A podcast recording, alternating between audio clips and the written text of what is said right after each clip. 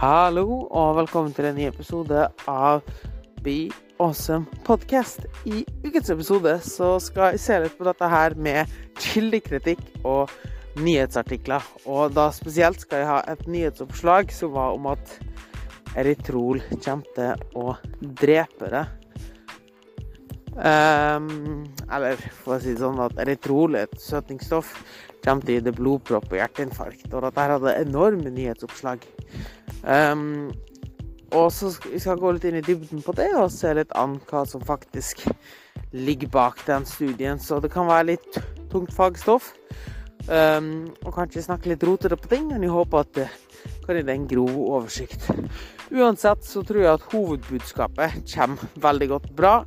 Veldig greit frem angående både denne studien og det nyhetsoppslaget, og generelt rundt dette her med kildekritikk, da, og hvem, hvordan du kan egentlig se litt etter eh, god um, Gode ressurser, da.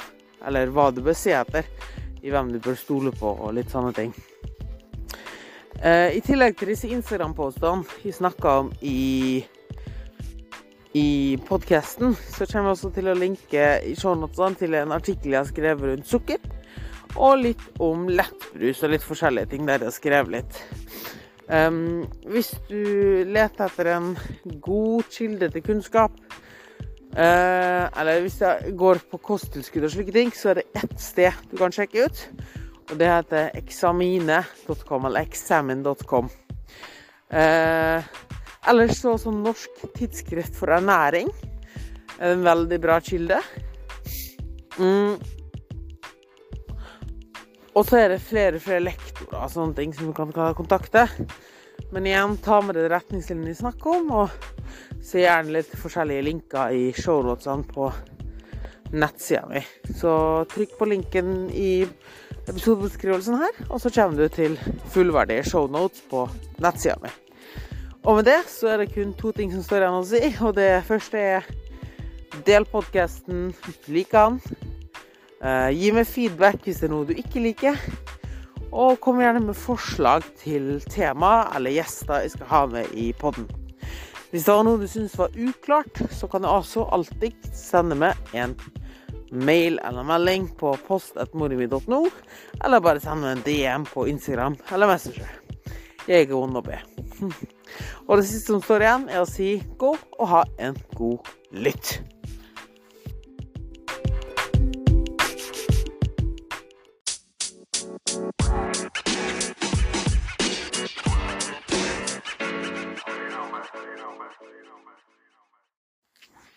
I det siste så har det vært en god del nyhetssaker rundt hvor farlig erytryl er.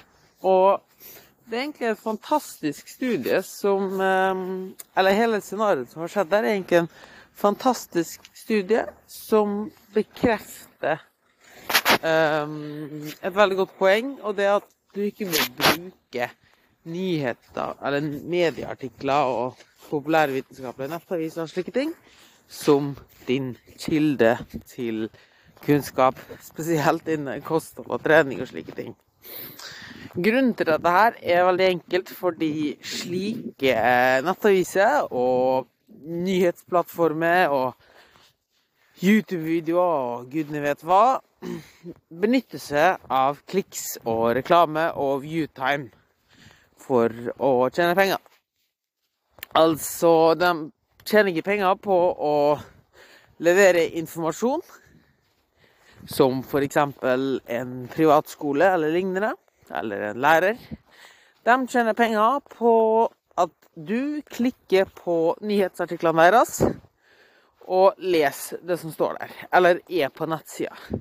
For da kan annonsørene se analyticsene hvor lenge du har vært på nettsida, og så betale så og så mye, eller sponse så og så mye. Dermed vil de da bruke clickbait. Det vil si at de vil skape mest mulig interesse for at folk skal klikke på artiklene deres og være på nettsida deres. Og da er det fantastisk å bruke f.eks. enkeltstudier eller metaanalyser og dra dem fullstendig ut av kontekst. og skape nyhet. Slike nyhetssaker. Eller ta et sitat fra en forsker eller eh, en professor eller vitenskapsmann eller PT eller hva det skal være, og dra det fullstendig ut av kontekst, eller bare høre med en guru eller et eller annet og kalle han en ekspert eller hun en ekspert. Fasting. Marit Kolbu Jeg sa ingenting. um, men det er et veldig vanlig eh, fenomen, da. Og i episoden tenkte jeg da rett og slett å snakke litt om denne Eritryl-studien som er lagt ut, da. Og da er det flere nettaviser, Din Side, VG, The Washington Post, som du kanskje tror er superevidensbasert og sånn, men også genererer på kliks. Og de har da lagt ut ting som slår alarm, farlig, leger advarer etter ny studie mot søtningsmiddel, eritrol skaper blodpropp, artificial sweetener linked to higher heart attack risk study says.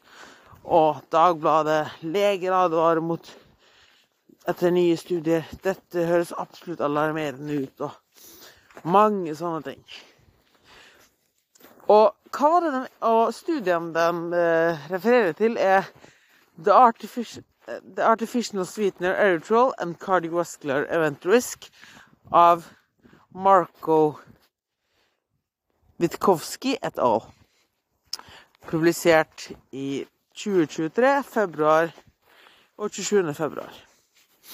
Eh, og hovedfunnene på overflaten, husk at de sa på overflaten, er at høye verdier av eritrol i serum, altså væske i kroppen, ble assosiert med risiko for dødelighet og ikke, eh, dødelige og ikke-dødelige hjerteinfarkt og hjerneslag. Eh, in vitro-studier, altså på celler i laboratorium, og gnagerstudier peker også mot at eritrol øker risikoen for blodpropp. Og det denne studien så også, var at å drikke noe med 30 gram eritrol økte eller endra serum, serumverdiene, altså væskeverdiene, til det som assosieres med økt risiko for til nivåer som assosieres med økt risiko for kardiovaskulære sykdommer hele to dager etter inntaket. Det høres skremmende ut, ikke sant? Det var det som de fant på overflaten, og det er det mesteparten av nyhetssaker og slike ting vil ha fokus på. Men når vi nå ser litt på nyansene i denne studien og limitasjoner, kan vi starte med følgende. Det blir ikke målt eller kartlagt hvor mye erytrol deltakeren faktisk inntok via kostholdet. Det ble kun sett på den ene drikka den tok. Eh, dataen for å sammenligne dette her, altså kohortgruppen, altså sammenligningsgrunnlaget, ble samla inn før erytrol var del av matforsyninga. Så et helt annet sammenligningsgrunnlag. Det er vel ti år siden den kohorten ble samla. Blodprøvene stammer fra Altså blodprøvene på deltakerne stammer fra fastende blodtilstand. Uh, og det reduserer sannsynligheten for at at de forhøye verdiene av eritrol faktisk kom fra eritrol inntatt fra kostholdet, fordi det var fastende blodprøve. Altså etter nattes nattesfaste. Uh, og noe annet som de her ligget grensen til, er at eritrol kan produseres endogent, altså i kroppen, på innsiden av kroppen, helt naturlig. Eh, og en økning av eritrol kan annet eh, Nei, og den økte produksjonen av eritrol i kroppen kan bl.a. komme av høyt blodsukker eller oksidativt stress. Um, og oksidativt stress har vi mye av i kroppen hvis vi f.eks. spiser lite frukt og grønt og inntar litt antioksidanter, har søvnmangel eller generelt er stressa. Uh, som også gjerne er assosiert med en dårligere livsstil. Mindre fysisk aktivitet, dårligere kosthold, overvekt. Kanskje du ser linken. Eh, videre var det akkurat denne studien hadde en superkort observasjonsperiode og svært få deltakere. Faktisk var det vel åtte stykk, hvis du husker riktig. Og blodprøven til kohortgruppen var vel 1000 stykk, sånn cirka. Og det ble heller ikke gjort noe på disse her eh, deltakerne.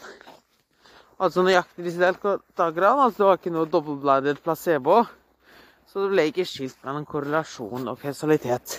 Husk det jeg sa med at vi produserer eritron naturlig i kroppen, spesielt ved høyt blodsukker og høyt oksidativt stress, som også går hånd i hånd med overvekt og dårlig lister. Så hvis vi nå skal dra en liten konklusjon da, fra studien, så vil Eller det de konkluderte med, var at serumnivået, altså væske på innsiden av kroppen, ehm, eh, ble assosiert med risiko for blodpropp. Så det var ikke inntaket av erytrol via kostholdet som ble assosiert med risiko for høy blodpropp, men det å ha mer eritrol i blodbanen.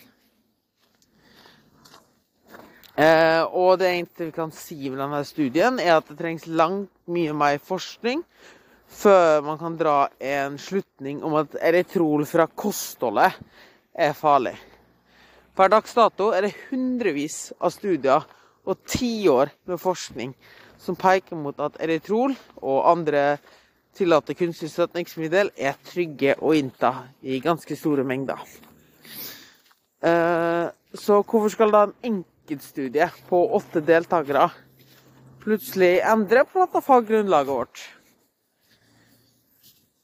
Så poenget mitt er egentlig bare at oh, sånne overskrifter eh, er enormt villedende. De skaper bare unødvendig mye bekymring og ekstra stress.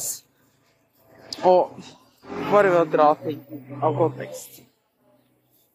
Uh, og som vi sa, husk at de fleste nettavisene etc. ikke lever av å spre god kvalitativ informasjon, men av kliks og reklame. Så ikke bruk dem som en kilde for informasjon på kosthold, trening, bank, rente, fysikk, kjemi, medisin eller gudene veit hva. For å ta det hele helt ned igjen, da, så var det jo faktisk også noen i den artikkelen, hvis var i mange av de artiklene, som hadde litt common sense til seg. Men eh, ingen leser så langt. Og hvis du går inn på Instagram-posten i lagd om dette her, som er linka i showet, og sånn, så kan du se det sitatet da, fra noen av forskerne som faktisk hadde litt nyanser. da. Men det var jo så langt ned i artikkelen at folk leser jo uansett bare overskriften.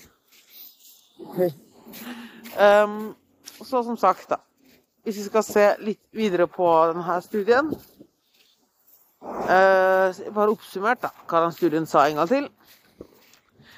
De fant at eritrol økte blodplateforretningen i årene Altså eh, risiko for hjerteinfarkt, blodpropp, bla, bla, bla. Alt dette her. Eh, I studien var det åtte mennesker som konsumerte en drikk som inneholdt 30 gram rent erytrol. Eh, dette her resulterte i at serumeritrol økte betydelig og holdt seg over nivåene forbundet med sykdomsrisiko i to dager etter inntaket. Og som sagt så antyder disse resultatene på overflaten at eritrol øker risikoen for hjertesykdom. Men det som ikke ble vurdert, var at forfatterne vurderte ikke eritrol i kosten, men bare egenprodusert eritrol i kroppen. Altså bare eritrolnivåen i kroppen, ikke hva han faktisk inntok. Og som vi nevnte tidligere, så var ikke eritrol vanlig i matforsyningen da blod, blodet ble samla inn fra kontrollgruppen. Det var mellom 2001 og 2007, og da var eritrol ikke på markedet ennå. Så med andre ord så er det svært rart at serumerytrolet, altså eritrolnivåene i, blod, i væska i kroppen, eh, var assosiert med inntaket av eritrol fra kosten. Så de hadde da en stor screeninggruppe som de brukte. Og som de da så ga, så har høye erytrolnivå fører til høyere risiko for blodpropp etc., etc. Men prøven de analyserte, kommer fra mennesker som ikke drakk eller spiste eritrol engang. Så åssen skal de forhøye eritrolnivåene assosieres med blodpropp fra kosten? Nei, eritrolnivåene i blodet assosieres med, med erytrolinntaket.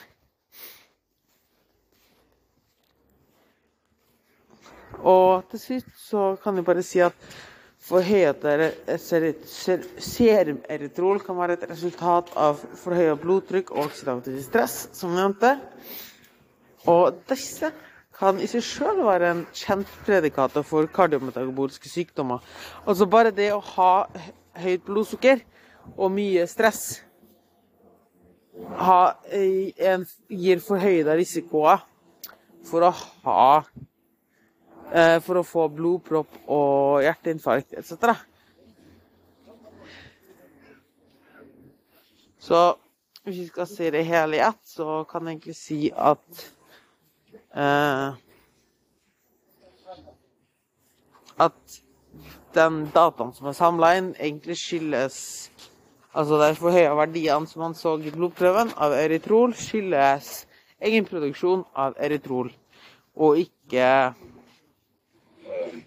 produksjonen fra Nei, ikke fra inntaket. Selvfølgelig, vi trenger mer forskning på det. Men denne enkeltstudien er, sier oss absolutt ingenting og skaper bare uro. Og jeg håper at du fikk med noe fra den her. Det samme gjelder for så vidt også for podkaster og andre ting. Det er akkurat samme konsept som gjelder der. Bare fordi en eller annen podcaster sier et eller annet så betyr ikke det at det er faktiske fakta. Et supereksempel på dette her er Joey Rogan, som si, sa følgende Robert Sapolsky, who studies stress primates at Stanford University, says a chess player can burn up to 6,000 calories a day while playing in a tournament three times what an average person consumes a day. Det var det Joe Rogan sa da, at Robert Sapolsky hadde sagt. Ikke sant? Og du tenker å, Joe Rogan og forsker og alt dette her.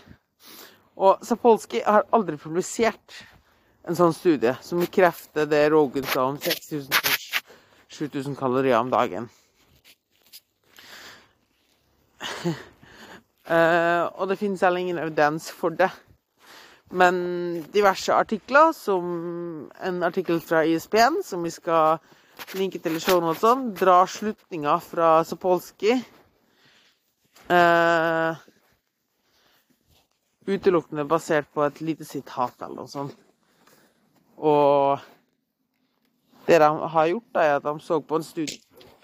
De så på en studie og så at det var høyere puls og forhøya stressnivå. Det de ikke sjekka for. Derimot det var faktisk kaloriforbruket. Fordi det at du har høy puls, betyr på ingen måte at du faktisk har et høyt kaloriforbruk. Men det kan, ta, kan du lese mer om i, art, eh, i posten som vi linker til. Hele poenget er igjen at her drar nyhetsartiklene det enda lengre. Og ser kun på en studie der man så godt ja, sjakkspillere har høyere puls når de, eh, når de, eh, når de spiller sjakk. For de er stressa. Og hvis du bruker en eller annen smartklokke eller duppedings, og de registrerer høy puls, så vil de tenke høy forbrenning. Fordi du gjør et eller annet fysisk. Og derfor vil de si at du forbrenner masse, masse kalorier. Men du gjør jo faen Du gjør jo ikke det. Um, mer om det kan du se i den uh, linken i postet den linken til Shonaldson. Så For å oppsummere det hele. Du kommer ikke til å dø Eritrol. Det var en clickbait-studie. Vi trenger mer forskning på det, men per dags dato er kunstig søtning som er, eh, De kunstig søtning og tilsetningsstoffene som er tillatt i Norge, veldig, veldig trygg å innta. Og du må ikke uh, være redd for noe her. Ikke bruk nettaviser, podcaster. Noen podcaster kan du bruke. Det er jo litt dumt at du hører på en podkast der noen snakker om at du ikke hører på podkaster. men, men det, det, går for det samme. Uansett om det kommer fra meg, om det kommer fra en nettavis, om det kommer fra en, en eller annen artikkel du leser på nett, en eller annen blogginnlegg, eller bare en eller annen ekspert du har hørt si noe. Ikke ta det vedkommende sa for god fisk. Spør mennesker rundt det. Fordi jeg hører det støtt og stadig at Ja, men jeg har hørt at Men er det ikke sånn at Sånn, ja, men hvor har du det fra? Ø, nei, det var tante Guri som sa det til meg. Sånn, ja, tante Guri sa det til deg, men hvordan vet du at det stemmer? Poenget mitt er kildekritikk. Hvis du har funnet noen du stoler veldig godt på, spør gjerne den personen hva synes du om dette her. Hva tenker du om dette her? Uh, hva tenker du om dette utsagnet? Hør på dens mening, og så hører du gjerne på noen andres mening også. Spør kanskje to-tre forskjellige stykk. Kanskje en fysioterapeut, kanskje en lege, og kanskje en kostholdsveileder. For å få inn litt diverse aspekt. Og så sjekk gjerne opp litt sjøl også. Det er én ting du kan skrive det bak øren, så er det følgende. Enkeltstudier viser oss ingenting. Det er det første. Det andre er at ekstreme utsagn trenger ekstreme bevis. Og noe som skiller eh, noen som er evidensbasert, eller forskning, eh, faktisk har kunnskap og forståelse for ting, for det helhetlige, så vil en slik person si at ja, det kan hende, det kommer an på, kanskje, vi må se det litt an. Versus en guru, eller noen som vil selge noe, er veldig bastant. Sånn er det. Det er fakta. Du må gjøre sånn. Det er riktig, det er galt. Så hvis du skal ta med deg én ting, så er det at folk som kommer med ekstreme utsagn, bør faen meg også ha Beklager dette, Bana. Bør også ha veldig ekstreme og gode bevis. Eh, og at personer som kommer med veldig bastante påstander og sier at sånn er det, eller veldig sånn svart og hvitt, at det gjør du tykk, det gjør du tynn, eller du må gjøre sånn Altså veldig, veldig konkrete ting, veldig unyanserte ting. Der burde du alltid være litt forsiktig. Ord som må, skal, feil, riktig, eh, farlig slike ting. Det er ting der det bør være litt varsellampe på. Og så vil ofte en person som har litt mer kunnskap og litt mer nyansert, og ikke prøve å selge noe, bruke ord som det kan hende at kanskje du bør vurdere eh, i forhold til slike ting. Og da skjønner jo at folk blir litt frustrert eller irritert. Fordi en slik person høres jo veldig usikker ut. Men det er fordi en person som faktisk har kunnskap og forståelse for ting, eller en ressurs som har kunnskap og forståelse til ting, veldig sjelden vil komme med konkrete uh, utsagn fordi det nesten ikke finnes. Um, og alltid prøve seg frem. Og det er noen ting som er veldig godt etablert. F.eks. at du må spise et kaloriunderskudd for å gå ned i vekt. Eh, eller ikke gå ned i vekt. Og her kom det igjen! For å gå ned i fettmasse så må du ha et kaloriunderskudd. Eh, og til og med her så finnes det sikkert noen som har klart å gjøre det ved å være et kalorivedlikehold og gjøre body recomp. Og, faen.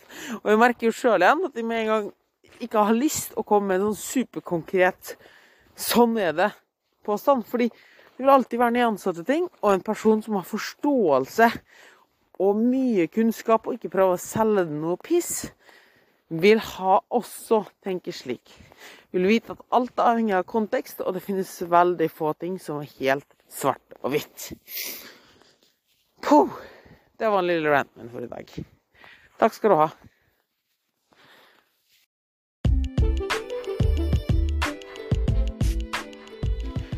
Tusen takk for at du tok deg tid til å lytte til enda en episode av Be Awesome Podcast. Jeg håper at den ga deg noe som helst nytteverdi, og at det ikke bare sjangla rundt for mye. Og igjen så må jeg bare beklage lyden på disse her podcast-episodene. For tiden er det veldig mye som skjer, og jeg skal forklare alt ved et senere tidspunkt. Men akkurat nå så gjelder det å få ut episoder til dere. Dagsella episoder, og jeg har lovt at det skal komme ut en episode hver uke. Så da må det bare bli sånn. Så jeg håper at jeg likevel kan gi deg noe nytteverdi, og håper at du har forståelse for at det er litt sånn, og at ting skal bli bedre. Både med lyd, kvalitet, gjester og alt som er. Igjen så vil jeg bare takke for at du har tatt deg tid til å høre hele denne episoden. Og ting vil bli bedre igjen. Det lover jeg. Um, sjekk shownotesene på denne episoden. Jeg tror det er masse, masse der du vil like å lese. Så bare trykk på linken i episodebeskrivelsen, så kommer du til fullverdige shownotes på nettsiden min. Og med det så vil jeg bare si at send gjerne inn feedback, tilbakemeldinger, forslag til gjester, forslag til tema. Del episoden hvis du liker den. Hvis du har interesse i coachingene online over i hele verden, så er det bare å ta kontakt, og sjekk gjerne også ut tilbudet mitt på nettsiden min. Og med det så er det bare å ta direkte kontakt på post.morimi.no. Eh, på nettsiden kan du også melde deg på nyhetsbrevet mitt, så du ikke går glipp av et eneste innlegg i postet eller en artikkel. Og med det så er det kun én ting som står igjen å si. Og det er gå og ha en åsen uke. Tullu!